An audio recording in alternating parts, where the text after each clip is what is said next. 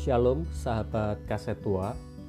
Kiranya kasih setia Tuhan Allah selalu mengalir dalam kehidupan kita.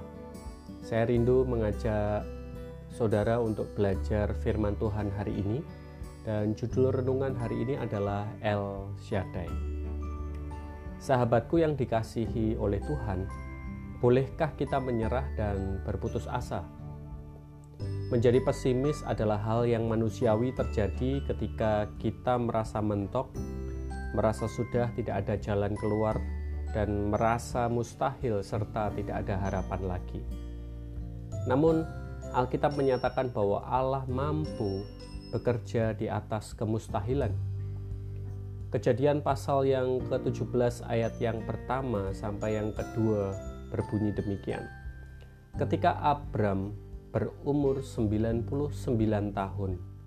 Maka Tuhan menampakkan diri kepada Abram dan berfirman kepadanya, Akulah Allah yang maha kuasa, hiduplah di hadapanku dengan tidak bercela.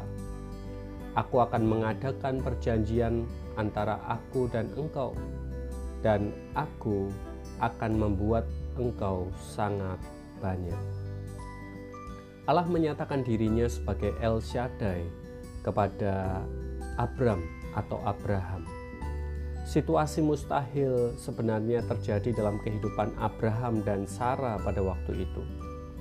Menurut ukuran manusia, umur 90-an tahun adalah mustahil bagi seorang wanita untuk melahirkan seorang anak. Abraham pun tidak percaya akan hal itu bisa terjadi. Secara manusiawi, Abraham dan Sarah mungkin sudah menyerah dan berputus asa, dan mereka akhirnya pasrah kalau mereka tidak bisa memiliki keturunan.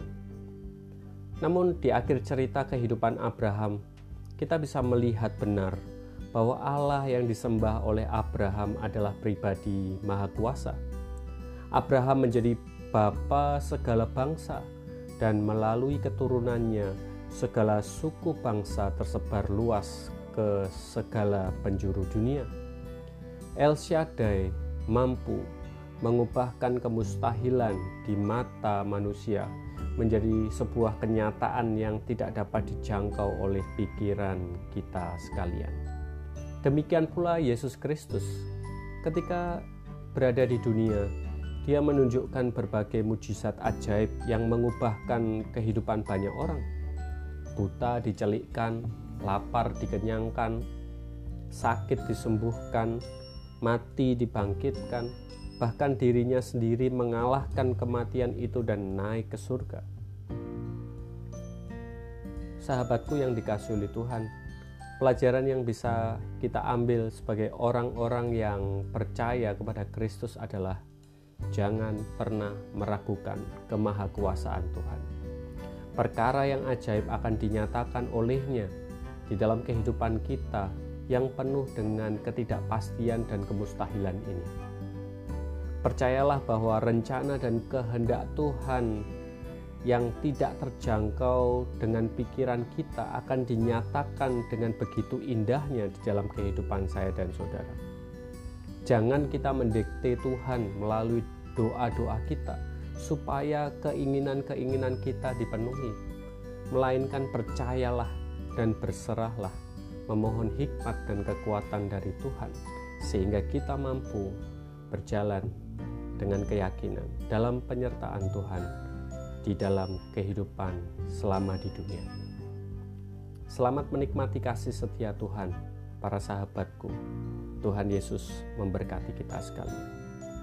Amin.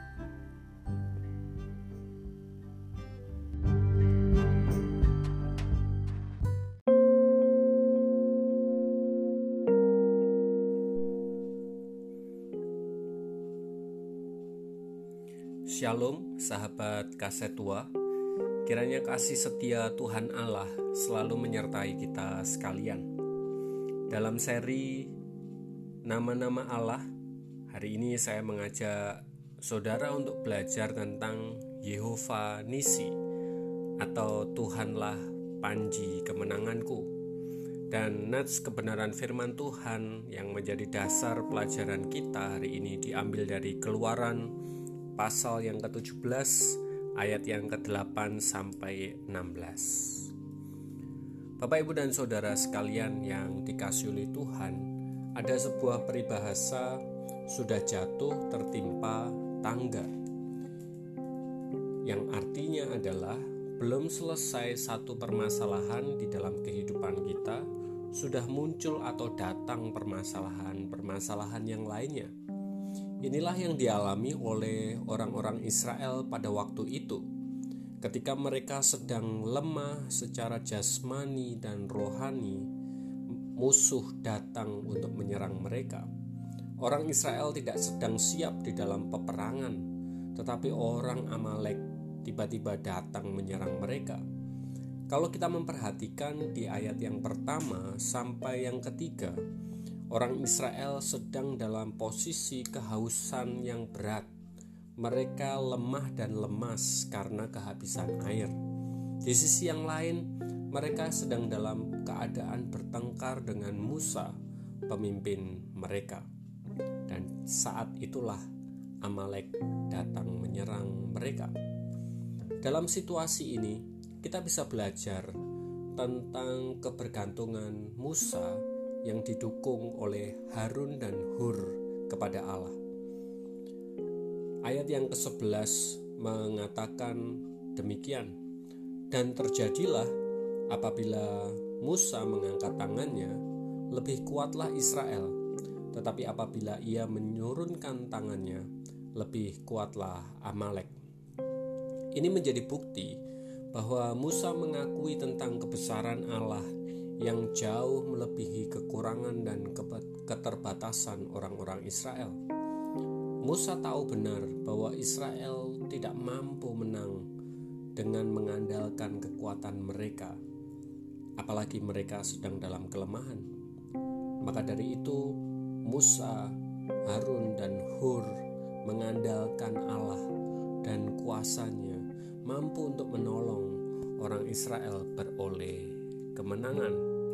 Kita memperhatikan bersama-sama Yosua yang diutus oleh Musa untuk maju berperang. Mereka mengalahkan Amalek dan pasukannya dengan mata pedang. Dan Musa mendirikan sebuah mesbah ucapan syukur dan menamainya Tuhanlah panji-panjiku. Tangan di atas panji-panji Tuhan Tuhan berperang melawan Amalek turun-temurun. Sahabatku yang dikasih oleh Tuhan Yesus Kristus, apa pelajaran yang bisa diambil oleh kita sebagai orang-orang percaya? Yang pertama, kita belajar untuk mengingat bahwa iblis itu musuh kita. Iblis tahu tentang kelemahan kita, dan dia selalu menanti-nantikan saat kita menjadi lemah dan menggunakan kesempatan itu untuk menyerang kita. Saya mengajak saudara untuk berjaga-jaga dan waspada selalu.